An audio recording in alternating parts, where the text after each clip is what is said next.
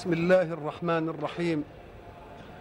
أحمدك ربي وأستعينك وأصلي وأسلم على خير خلقك سيدنا محمد وبعد.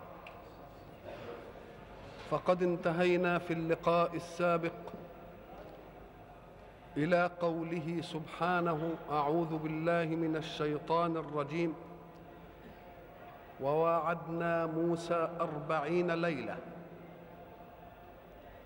وقلنا إن ذلك بعد أن نجاهم الله من فرعون الذي كان يسومهم سوء العذاب يذبح أبناءهم ويستحيي نساءهم. وعرضنا للآيات التي تكلمت في هذا الموضوع مرة بالذبح ومرة بالقتل ومرة بالواو ومرة بغير الواو. وبينا أن كل آية جاءت في سياقها المناسب لها. وبينا الفارق بين نجيناكم وأنجيناكم. وبينا كيف فرق الله البحر وجعل منه طريقا يبسا مر منه قوم موسى وعرفنا كيف أغرى الله سبحانه فرعون وقومه ليسلكوا الطرق خلف موسى. وقلنا إن البحر قد عاد إلى استطراقه وسيولته فنجا موسى بالطريق اليبس وهلك فرعون غرقا. وقلنا كل ذلك كان ينبغي أن يستقبل من بني إسرائيل بالشكر على هذه النعم كلها.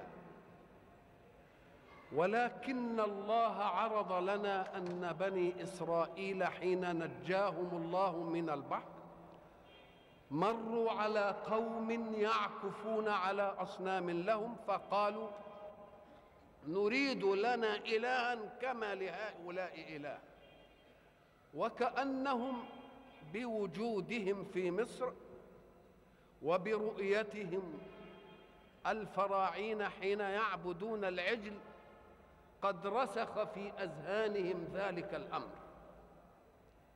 وكان من الواجب أن يتنبهوا إلى أن الله نجاهم من عبدة العجل والعجل لم ينفع من عبدوه. ولكنهم هكذا طبعوا على نكران الجميل فوعدهم الله أن يأتيهم بكتاب فيه فرقان بين الحق وال. تفصيله جاء في آية أخرى وواعدنا موسى ثلاثين ليلة وأتممناها بعشر. فكأن هناك وعدا بالثلاثين وتماما بالعشر فمجموع الوعد يصير إلى أربعين ليلة. فلماذا؟ ولماذا فصل الله هنا وأجمل فصل الله هناك وأجمل هنا؟ الوعد كما قال أهل العلم كان ثلاثين ليلة. هل وعده ثلاثين ليلة يأتي له في كل ليلة بجزء من المنهج؟ لا إنه وعده بعد إتمام ثلاثين ليلة. فإذا قال وعدته ثلاثين ليلة فليس معنى ذلك أنه سيأتيه بما وعده به في الثلاثين ليلة مفرقة على أزمانها.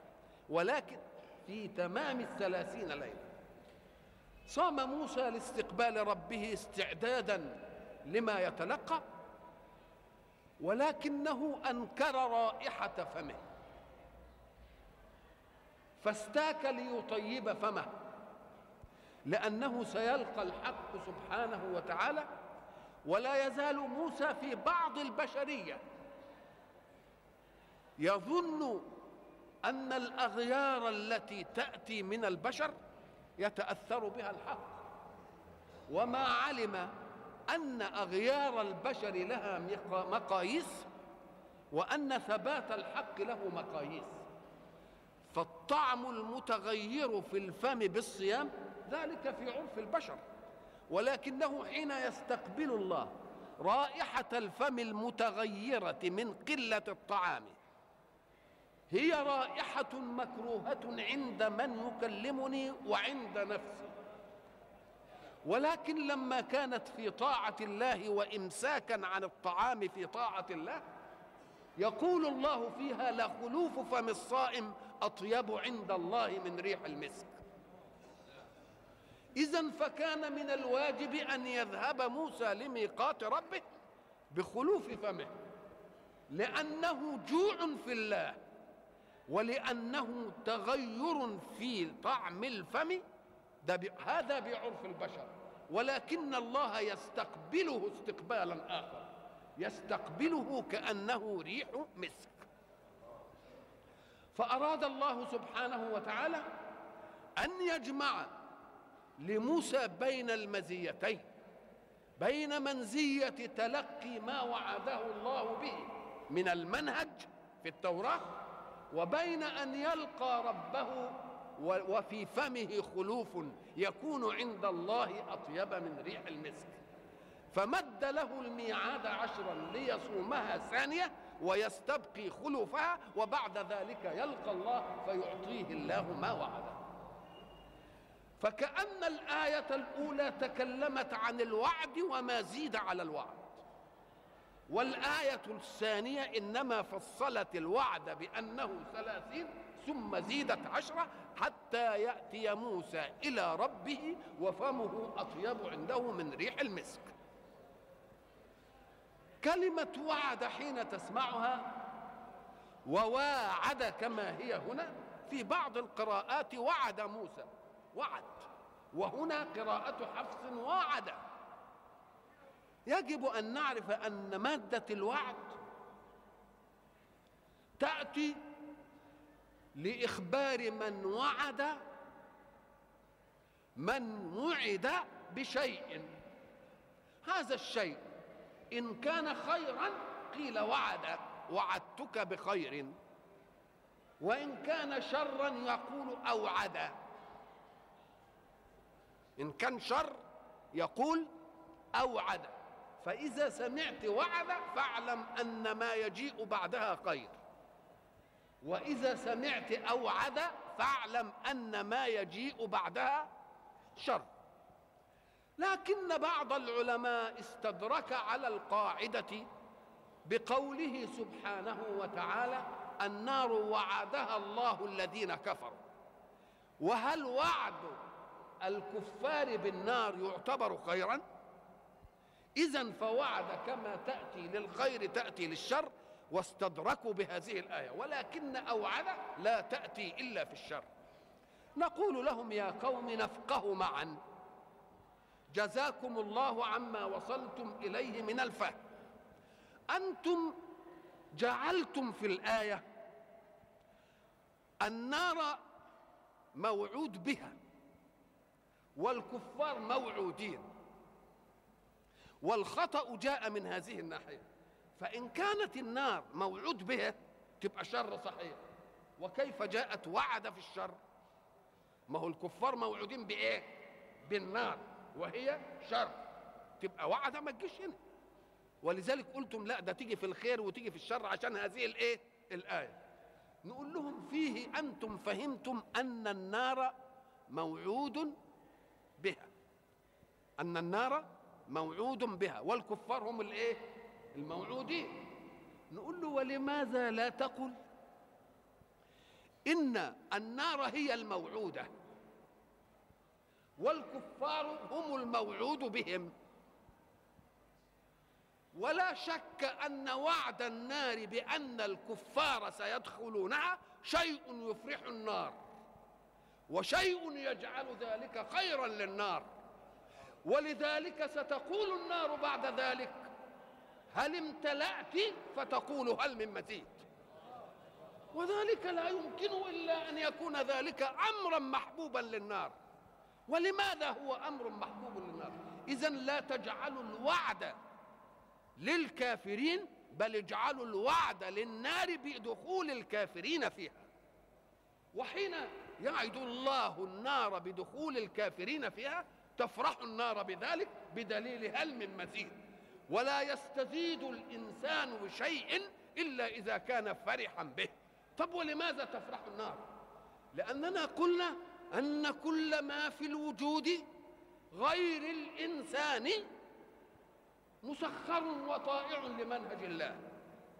لم يخالف ابدا إلا الإنسان. ولكن الجماد في طاعة الله تسخيرا وتسبيحا. والنبات في طاعة الله تسخيرا وتسبيحا. والحيوان في طاعة الله تسخيرا وتسبيحا. وإن من شيء إلا يسبح بحمده. فكأن كل ما في الوجود غير الإنسان مسير على الطاعة وعلى التسخير وعلى التسبيح. وهذا الكون الذي قلناه مسخر لخدمة الإنسان.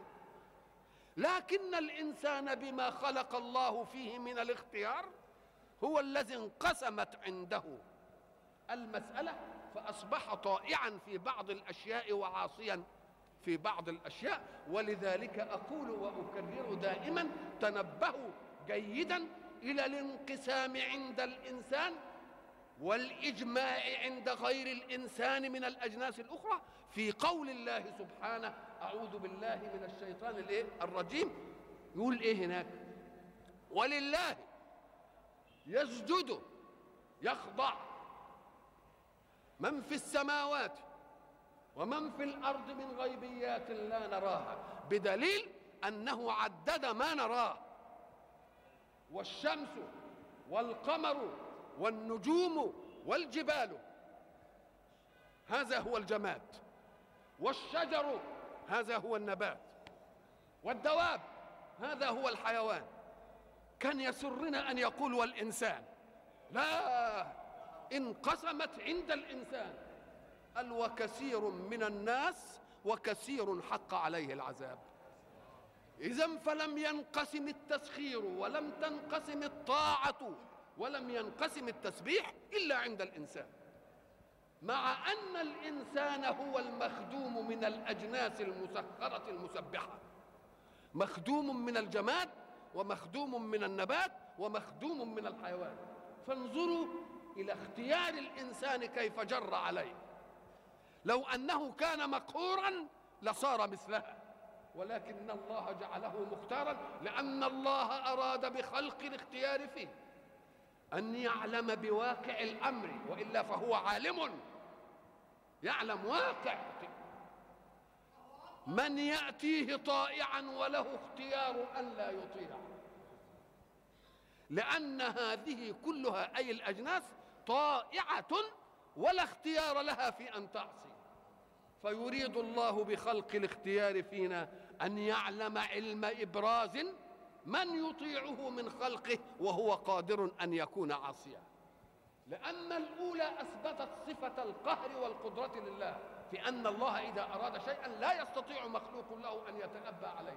فأراد الجمال طائعا مسكرا مسبحا وأراد النبات طائعا مسكرا مسبحا وأراد الحيوان طائعا مسكرا مسبحا فهذا أعطى له صفة القهر والقدرة وأنه إذا أراد شيئا لا يمكن ابدا أن يخرج عن قدرته. ولكنه أراد أن يعطي لنفسه صفة المحبوبية بحيث يترك جنسا يختار في أن يطيع وأن يعصي. ثم يأتيه طائعا ولا شك أن الطائع وله اختيار أن يعصي يدل على حبه لمن اطاعه فديك أثبتت صفة القدرة وهذه أثبتت لله صفة الإيه؟ صفة المحبوبية. فإذا كانت الجمادات والأشياء الأجناس الأخرى عابدة الله ثم ترى الإنسان يعصى الله أتكون مسرورة به؟ قسها في نفسك. إنك حين تكون مستقيما ملتزما وترى إنسانا منحرفا تقلق به وتضيق وتحزن وتستقبلوش بالبشاشة وتبقى كاره له. هذا هذا الحادث فينا نحن. وأنت صالح أن تطيع وأن تعصي. ومع ذلك إذا أطعت ضقت بمن لا يطيع. فإذا كانت الأجناس الأخرى اللي هي طائعة دائما وترى من يعصي ماذا يكون موقفها؟ إنها تضيق به وتنبو به ولكن الله أمرها أن تكون في خدمته. لا تستطيع أن أن تمتنع عن خدمته لأن الله سخرها له فهي تخدمه وهي كارهة. فإذا ما جاء وقت عقابه كما قلنا سابقا تشهد عليه الأشياء كلها. اللي كانت مسخرة لإرادته. ولذلك قلنا سابقا يوم تشهد عليهم إيه؟ ألسنتهم. طب يا لسان ما أنت اللي كفرت؟ وتشهد عليهم أيديهم وتشهد أرجلهم وتشهد جلودهم. طب ما هي كانت المعصية بكم؟ لا إحنا كنا مقهورين لإرادته. لأن الله سخرنا لتنفيذ إرادته. وفرق بين أن تنفذ المراد من من شيء من إنسان وبين أن تكون محبا لما تؤمر به.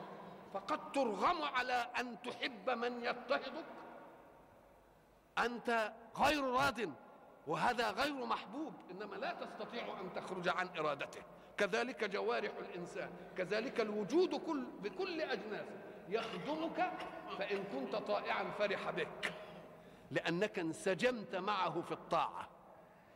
وإن كنت عاصيان نبى بك ولكنه يطيعك أيضا. تركب الدابة تسير تذهب بها إلى الخمارة.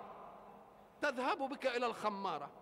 ولا تقول لا لا هذه هذا منكر ولا أذهب بك إليه. تذهب به لأن الله سخرها لك ولكنها تكره فعلك. فإذا ما جاءت يوم القيامة بقى المسخر لك وتصنع شيئا من المعصية هو يكرهه إذا جاء عند من سخر سخره لك يقول يا رب عمل بي كذا وعمل كذا وعمل كذا وعمل كذا وعمل كذا وعمل كذا لأن الإرادة لي ما عادتش ليا إرادة فيها. نقول له ده كلام على الأول كذلك النار. النار جرم مادي جمادي وتكره العصاة. وإذا كرهت العصاة مش مأمورة الآن إنها تحرقهم ولكن سيأتي يوم تكلف بأنها تحرقهم. فتقول له هات لي بقى اللي عايز دول هات. هاتهم لي بقى. أوه يبقى كأن الله قال يا نار اطمئني ولا تغضبي ممن يعصيني فإنني سيأتي يوم أمكنك منه.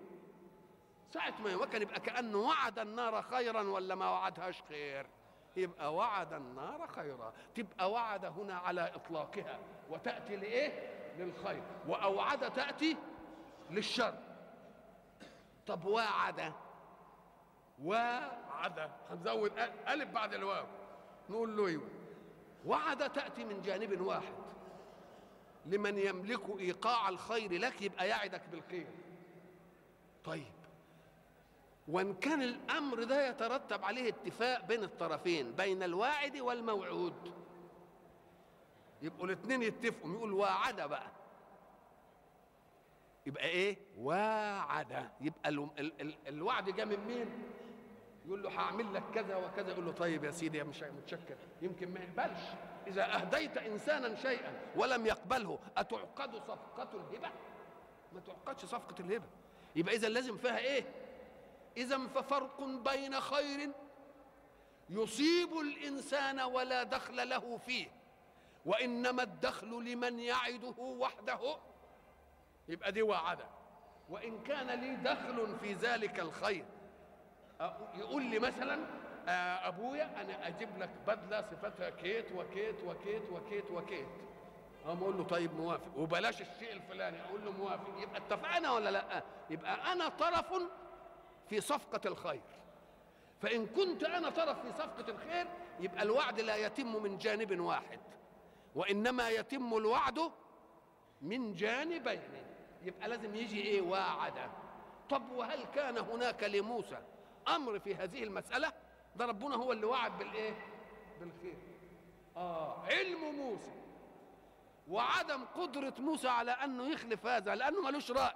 قال الرسل رأي في اختيارهم رسل أرأيت رسولا اختاره الله رسولا؟ وقال له لا والله الحكاية دي صعبة عليا وما أقدرش فيه. لا يبقى كأن الوعد كله من طرف مين؟ من طرف واحد. ولما كان الثاني لا رأي له في الصفقة يبقى كأنه بموافقته لما يحدث كأنه دخل في الوعد ولا لا؟ يبقى دخل في الوعد. يبقى علم موسى بالميقات يبقى كأنه دخل في الموعدة. كم افتكروا كما قلنا سابقا في قوله كتب عليكم الصيام. من الذي كتب؟ إنه الله. طب ما قالش كتب عليكم الصيام ليه؟ كتب ليه؟ بناه كما قلنا لما لم يسمى فاعله. يعني زي المجهول. أم قال لك لأن ربنا ما كتبش على مطلق إنسان. وإنما كتب على من آمن به. ما دام كتب على من آمن به يبقى إيمانك به دخول في العقد. أنك ارتضيته إلها مشرعا وإلها مكلفا فكأن الله لم يقتحم عليك اختيارك بالتكليف ولكنك دخلت أنت عليه من باب الإيمان به. وما دمت آمنت يبقى أنت شريك في الكتابة. يبقى كتب إيه؟ يبقى أنتوا شركاء في الكتابة ولا لا؟ ولذلك في الشيء الآخر يقول اللي مالكش دخل فيه يقول لك كتب الله لأغلبن أنا ورسلي. كتب ربكم على نفسه الرحمة. ما يقولش كتب إنما كتب حين يكون للمختار اختيار في أن يؤمن أو لا يؤمن فحين آمن التزم وحين التزم دخل في الصفقة الإيمانية فكأنه حين يأمره الله بالصيام يقول له أنا لم أقتحم عليك حركة اختيارك لأنك دخلت علي بالإيمان إن شئت ألا تؤمن ما تؤمنش أنت إنما حين آمن دخلت فأصبحت شريكا فيما فرضه الله فيما أفرضه إيه؟ فيما أفرضه عليه. يبقى إذا وعد يبقى فيه مفاعلة. لكن الرسل ما لهمش اختيار في هذه المسألة نظرا لأن ما لهمش اختيار لأن وعد دخولي أنا في الوعد إذا كنت مختار يبقى له دخل في الوعد.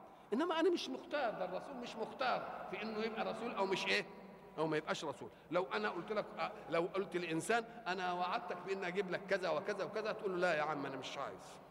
يبقى أنت ما دخلتش في الوعد. إنما تقول له طيب والله ده كويسه مش عارف تبقى دخلت في الوعد ولا لا؟ يبقى دخلت في الوعد. اذا دي وعد وايه وعد وأوعد وإيه؟ وواعد. ووعدنا موسى أربعين إيه؟ أربعين ليلة. الله.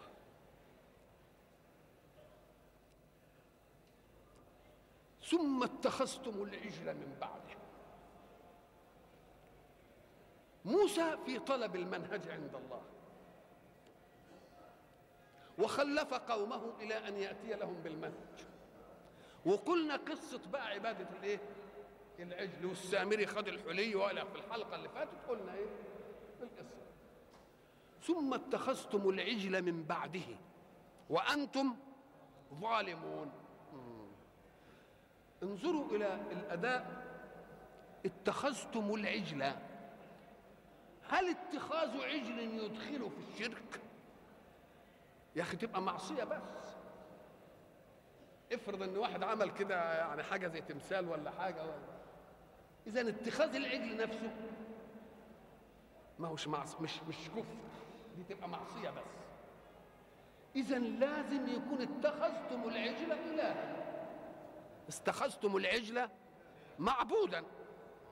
نقول له ما هي دي مفهوم من اتخذت؟ لأن ما قال لهمش صنعتم العجل. لأن الاتخاذ غير الصنعة. الصنعة شيء واتخاذ الصنعة يبقى لازم اتخذت لشيء إذا فحذف الله اتخذتم العجل إله اتخذتم العجل لم يأتي بكلمة إله هنا لأن كلمة اتخذتم تفيدها. لأن لو كان القصد أنهم صنعوه كان نقول صنعتم العجل. صنعتم العجل. ويبقى صنعتم العجل ما فيهاش حاجة يعني زي بعضه يبقوا اسمين بس بالمعصية. آه إذا اتخذتم العجل وأنتم ظالمون. ما هو الظالم؟ الظالم على أنواع. ظالم في شيء أعلى في القمة وظالم في مطلوب القمة. فالظالم في القمة هو الذي يجعل لله شريكا. ده ظالم في القمة ده. ولذلك قال إن الشرك لظلم شوف وصفه بالعظم عظيم. ليه؟ لأنه شركة في الإيه؟ في القمة. طيب وهو الظلم جه في الشركة إزاي؟ أم قال لك يا أخي لأنك أنت جبت من لم يخلق ومن لم يرزق. شريك لمن خلق ورزق. شريك لمن خلق ورزق. تبقى أنت جبت واحد كده لا خلق ولا رزق ولا أي حاجة وبعدين عملته شريك للإيه؟ لله. طيب يا سيدي يمكن متطوع. طب تعالى قول له أنت جعلت إله ومعنى إله أن يكون معبودا؟ ومعنى معبود يعني مطاع فيما أمر. مش كده؟ أدي معنى اعبده يعني إيه؟ أطيعوا أمري وانتهوا بنهيي مش كده؟ دي العبادة. طيب جعلتم هؤلاء شركاء لمين؟ لله. في إيه؟ في العبادة؟ طيب العبادة جاءت من جانب الله فقال لكم اعبدوني بكذا وكذا وكذا وكذا. فماذا قال لكم الشركاء؟ اعبدون بايه يبقى أنتم سبتوا اللي قايل لكم على منهج العبادة ورحتم للي ما قالكوش على منهج عبادة. وإلا كما قلنا ماذا قالت الشمس لمن يعبده؟ تقرب الي بإيه؟ طب قولوا لي كده. قالت إيه؟ ماذا قالت الشمس؟ ماذا قالت الأصنام لمن يعبدونها؟ اعبدوني طب العبادة أن تطيعه فيما أمر. فما هو أمر الشمس؟ وما هو أمر نهي الشمس؟ وما هو أمر الأصنام؟ وما هو نهي الأصنام؟ الله اذا المسألة ده ظلم ظلم كبير قوي. بقى أنتم تركتم من خلق ورزق إلى وجبتم معه من لم يخلق ولم يرزق. وتركتم من كلف بعبادة إلى عبادة تطوعتم أنتم بها والأصل في العبادة أن تكون أوامر من المعبود يوجهها إلى العالم. وهذه لا أوامر لها فمن أين أتيتم بهذا؟ إذا فالذي يهدم الألوهية لغير الله قولوا لهم ما منهج هذه الآلهة؟ ماذا قالت لكم؟ افعلوا ولا تفعلوا. إله بلا منهج؟ طب وماذا قالت الآلهة لمن لا يعبدها. قالت هعمل فيه إيه؟ وماذا قالت لمن عبدها؟ هعمل فيه إيه؟ إيه الغباء ده؟ ده ظلم أغبية ده. ظلم أغبية. يبقى إذا هذا هو الظلم في الإيه؟ الظلم في القمة. والظلم الآخر أن يكون ظلما فيما شرعت القمة. ربنا قال اعدلهم بالقسطاس وزنوا مدوا الحقوق لصاحبها تبقى تيجي إيه؟ تخالف الايه؟ الميزان اللي موضوع يبقى ده اسمه ظلم تاني أشنعه ظلم يوجه لنفسك. ظلم يوجه لنفسك. ليه؟ قال لك لأن المراد من الظلم إنك أنت تاخد حق. ذي الحق وتعطيه لمن لا حق له. لكن انت مش هتاخد حاجة ابدا من ذي الحق ابدا. هيفضل الحق هو الآمر الناهي فيك وفي الأعراض عليك وفي قدره وفي مرضك وفي غناك وفي فقرك وفي العودة اليه تبقى أنت خدت إيه يا غبي؟ انت ما خدتش حاجة ابدا. تبقى أنت ما ظلمتش ما ظلمتناش. لما نيجي نحققها بقى تبقى ظلمت مين؟ ظلمت نفسك. ولكن الناس أنفسهم اوعوا تفتكروا انكم تظلموا ربنا. ابدا. مش هتاخدوا منه حاجة ابدا. لأن لا تزال طلاقة القدرة موجودة. تبقى أنتم إن ظلمتم هتظلموا إيه؟ أنفسكم. وظلم النفس ده اقسى لأن المفروض أن النفع في في, في الكون أجلبه اولا لنفسي. وبعدين أبقى أجلبه للناس. لمن أعول ثم لبقية الناس. أم قال لك في ناس بقى هيظلموا نفسهم ظلم فظيع قوي إيه هو؟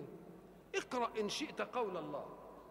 أنا أريد حين تقرؤون القرآن أن تقرأوا القرآن على أن الله هو المتكلم. ما تقرأوش على أنه أسلوب. أنتوا بتقروا أسلوب أدب كتير وتنفعلوا بها. لا اقرأوا على أن الله هو المتكلم. وحاول جيدا أن تصفي نفسك. تصفية تناسب استقبالك لله المتكلم. ساعة ما تفهم إن ربنا اللي بيتكلم ولذلك قلت لكم سيدنا جعفر الصادق ما قالش أنا قريت قال فإني سمعت الله بعقبه. سمعت الله. بقول عجبت لمن خاف ولم يفزع إلى قول الله سبحانه. حسبنا الله ونعم الوكيل. وصفة للخوف. يعني إذا خفت فعندك وصفة قرآنية. إيه الوصفة القرآنية للخوف حسبنا الله ونعم الوكيل. أدي الوصفة اللي جابها سيدي جعفر الصادق. عجبت لمن خاف ولم يفزع إلى قول الله سبحانه حسبنا الله ونعم الوكيل. أدي الوصفة. حيثيتها إيه؟ ليه يا سيدي جعفر خدت دي؟ قال لك إيه؟ فإني سمعت الله سمعت الله بعقبها أي بعقب قوله حسبنا الله وإيه؟ سمعت الله بعقبها يقول فانقلبوا بنعمة من الله وفضل لم يمسسهم سوء. سمعت الله. المهم هنا في مين؟ مش بقرا لله مش بسمع القارئ ده أنا بسمع مين؟ ولذلك إذا قرئ القرآن فاستمعوا له. لماذا؟ لأن الله هو المتكلم. فلا تزهد في كلام الله لك. استمع. ساعة ما نسمع بقى القرآن يجي يقول إيه؟ والذين إذا فعلوا فاحشة أو ظلموا أنفسهم. ذكروا الله. فاستغفروا لذنوبهم. نريد هنا فعلوا فاحشة أو ظلموا أنفسهم. طب ما هو فعل الفاحشة ظلم للنفس ولا لا؟ لا قال لك لا خد الدقة بقى.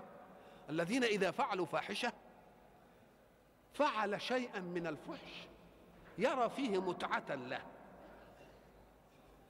فقد أعطى لنفسه متعة حراما لأنها متعة في غير ما أحل ومتعة إيه؟ عاجلة.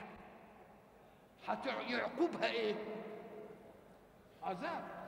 إنما متع نفسه شوية ولا لا؟ متع نفسه لكن اللي ظلم نفسه دي إنه يعمل الفاحشة لسواه غيره يستمتع به وهو يصطلب نارها. يبقى ظلم نفسه. لا خد لا خد متعتها في الدنيا وهيصطلب فيها بالآخرة. زي اللي بيشهد زور. اللي بيشهد إيه؟ زور اللي بيشهد زور حقق نفع المين آه يا عيني خد لنفع اللي خد النفع خده الغير. وهو اللي حي إيه؟ يبقى عيني ظلم نفسه ظلم نفسه حتى في الدنيا. يا أخي اللي فعل فاحشة يمكن نقول اتمتع سرق قرشين صرفهم ولا عمل أي حاجة ولا أي حاجة. فاتمتع شوية. الله إنما اللي شهد زور ده. ما طلش لا لا متعها في دنياها وهيصل بها في الإيه؟ يبقى ده ظلم النفس. ظلم الايه؟ ظلم النفس. ولذلك شركم النبي يقول شركم من باع دينه بدنياه.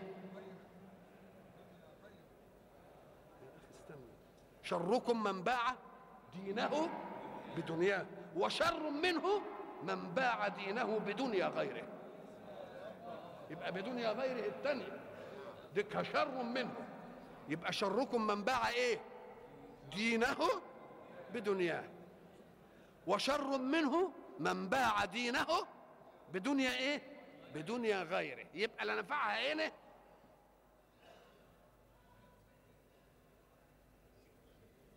ولا نفعها هنا. يبقى اذا وأنتم تظلمون.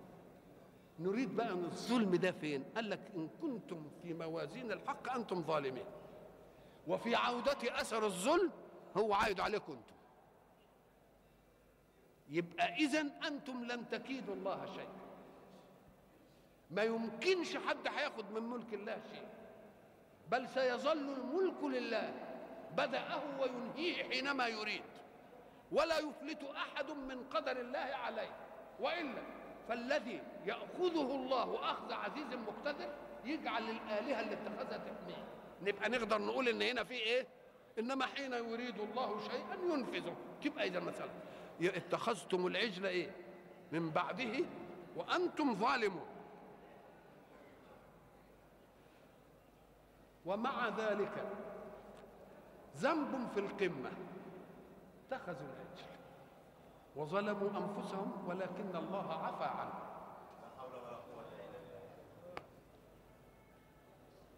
ثم عفونا عنكم. كلمة عفا دي ساعة ما تسمعها. أنت إذا سرت في صحراء فيها رمل تقوم تترك في الرمل أثرا لقدمك. وبعد ذلك تأتي الريح. تأتي الريح فت إيه؟ تمحو الأثر. يقال عفت الريح الأثر. عفت الريح الأثر. يعني إيه؟ محته وأذهبته. بعد أن كان دلا على أن هنا حد ماشي جت الريح وراحت شوية. هي برضه منتقية يبقى يبقى الحق سبحانه وتعالى جاب لنا العفو عن الذنب بمثل محسن أمامنا. بمثل محسن أمامنا. هذا المثل هو في الريح وفي الأثر. ساعة تأتي الريح. لتمحو الأثر بتضيع معالمه ولا لأ؟ يبقى ما دام ضاعت معالمه يبقى كذلك. هذه المسألة همسحها لكم. وكأنها لم إيه؟ وكأنها لم تكن. يبقى العفو محو أثر الذنب. ويطلق العفو على المعروف. ويطلق العفو على الطيب من المال الحلال. وتطلق العافية على دفاع الله عن خلقه. ولذلك انت لما تقول اللهم إني أسألك العفو والعافية يعني أنا أسألك دافعا عني كل شيء لأنه لا حول لي ولا قوة. لا حول لي ولا أنت اللي تدفع عني إيه؟ كل شيء. ثم عفونا عنكم من إيه؟ من بعد ذلك. كان من أثر عفونا عنكم بعد قمة في الظلم أن تقبلوا على الله بشكر نعمة. والشكر أول مظاهر الشكر ألا تخفي أثر المنعم عنك عليك. ما تخفيش يعني تن دائما النعمة مقرونة بواهبه. اوعى تنظر إلى النعمة بعد ما تجيلك وتفضل في النعمة كده كما قلنا تعيش مع النعمة وتنسى من أنعم إيه؟ يبقى لازم تظهر المنعم مع كل نعمة.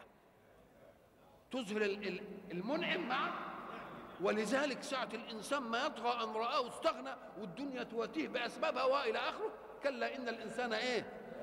ما الطغيان مجاوزة الحد. مش كده؟ آه يطغى إزاي؟ أم قال لك يعيش مع النعمة وينسى مين؟ وينسى المنعم. يبقى أول مظهر الشكر ما تقولش بس الشكر انك تقول الحمد لله بس لا أن تعيش دائما وأنت مستقبل النعمة مع مين؟ مع المنعم. ولذلك ربنا برضو علمنا إن لما يكون عندك نعمة في أي شيء تبص في المراية فيعجبك شكلك أنت ما خلقتوش. تقوم لازم تعيش مع من خلقه مش كده ولا لا؟ شفت هندامك حلو كده. انت ما جبتوش وياك نازل من بطن أمك انت نازل عريان. برضه تشوف من وهبني هذا. وتترقى كده في النعمة تشوف حتى وهبك اللي خيطوا لك خياطة كويسة. الله. تبقى كل نعمة هتعمل فيها إيه؟ تعيش دائما مع المنعم. ولذلك لما ربنا ضرب مثل في أصحاب الجنتين واحد عنده جنتين وسورة الكهف وبعد ذلك دخل جنته وهو ظالم لنفسه. قال ما أظن أن تبيد هذه أبدا. ده حاجة نعمة واسعة قوي وما أظن الساعة قريب مش الساعة دي مش جاية هتيجي ولا معقول؟ وكمان إن رحت لربي هبقى أحسن من كده كمان. ما شاء الله. ده أنت اللي بقى النعمه ذاتية معاك. صاحبه قال له يا شيخ اتق الله. أنت بتكفر بربنا. وبده يعلمه بقى كيف يشكر النعمة؟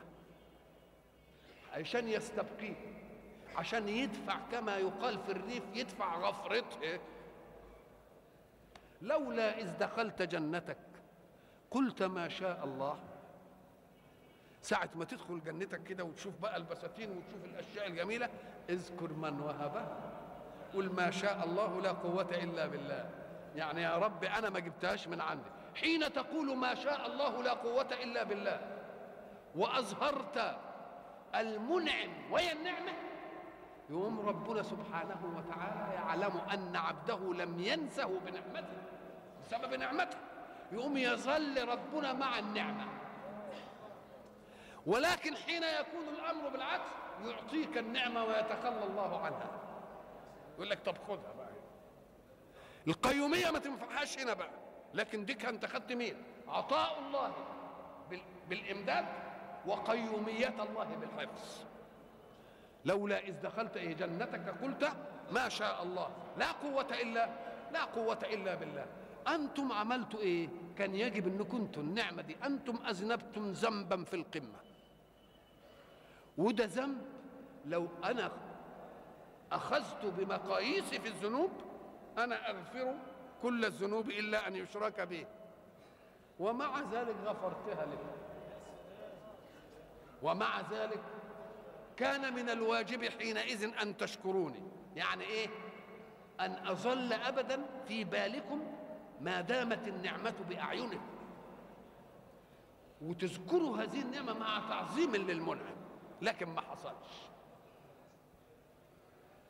وإذ آتينا موسى الكتاب والفرقان لعلكم تهتدون. إذ آتينا يعني اذكروا بر اذكروا إذ آتينا أكن إتيان الكتاب والفرقان نعمة يجب أن يذكرها الخلق. أي أن الخلق يجب أن تستقبل منهج الله كأنه نعمة أيضا. اوعى تاخد منهج الله على أنه جاي مقيدك لأنه قيدك لصالحك. وإحنا قلنا يجب في كل تكليف أن تنظر ساعة تكلف به ما يأخذ منك التكليف وما يعطيك التكليف. اعمل مقارنة كده.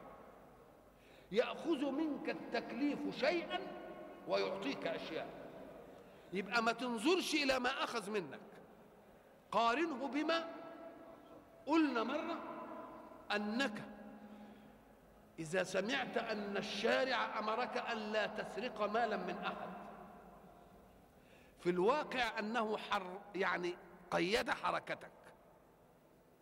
لكن ما هو قال للناس جميعا لا تسرقوا منه شيئا. يبقى أعطاك ماذا؟ آه يبقى هو أخذ منك تقييد حريتك في أن لا تسرق. وأخذ لأجلك تقييد حرية كل الناس ألا يسرقوا منه يبقى أعطاك ولا ما أعطاك شيء؟ يبقى حين يأخذ منك شيئا لا تنظر إلى ما أخذ ولكن انظر إلى قلت مرة حين يأمرك أن تغض طرفك عن محارم سواه اوعى تقول ده ده قيد حرية عينه لا ما هو قيد حرية الأعين كلها بحيث لا ينظرون إلى محارمك. فلو أنك نظرت إلى محارم الناس ماذا تصيب منهم؟ ولكن هب الناس نظروا جميعا إلى محارمك. ماذا بقي لك؟ يبقى اذا يجب عند كل تكليف أن نذكره بجوار ما أخذ مني من تقييد حرية اختياري ما أعطي لي من تقييد حرية الآخرين. اذا فالكتاب والفرقان أنزله الله. الكتاب إيه والفرقان إيه؟ هل ده عطف يعني؟ يعني بياني كده بس. الكتاب هو الفرقان. ولا أراد الحق سبحانه وتعالى أن يبين في الكتاب منهجه وهو التوراة؟ وأعطاه الفرقان الأشياء التي فرق له فيها بين الحق والباطل. وحتى جاب النص وإذ فرقنا بكم الإيه؟ البحر. خلصناكم من الإيه؟ من العذاب. إذا ففيه الكلمة الفرقان تطلق مرة على الكتاب وتطلق على ما يفرق بين الحق وما أنزل على الإيه؟ لا يوم الفرقان يوم التقى الجمعان سمى يوم بدر يوم الفرقان لأنه إيه؟ فرق بين الحق وبين الإيه؟ وبين الباطل وإذ قال موسى لقومه يا قوم إنكم ظلمتم أنفسكم باتخاذكم العجل إذا جه الكلام بتاعنا وأنتم تظلمون. رجع الكلام بان هنا ولا لأ؟ بتظلموا مين؟ النهايه بتظلموا نفسكم. ظلمتم أنفسكم باتخاذكم العجل. أكان موسى يمر على هذه المسألة دون أن يقرع قومه الذين نجاهم الله. فاتخذوا العجل إلها. في الوقت الذي هو ذاهب فيه لميقات ربه ليأتي بالمنهج. أكانت تمر المسألة مع أن الله عفى وستر هذا الذنب وإن كان ذنب القمة. أكانت تمر هذه المسألة على موسى دون أن يظفروا منه بكلمة توبخكم على هذا؟ وإذ قال موسى لقومه يا قوم إنكم ظلمتم أنفسكم باتخاذكم العجل. فتوبوا إلى بارئكم. هنا هم عفى الله عنهم في الأول. فكيف يقول فتوبوا إلى بارئكم؟ يعني اندموا عليها ندما لا يرجعكم إلى مثلها أبدا. أسأل الله أن يجمعني بكم في لقاء آخر. لعلنا نتم. السلام عليكم.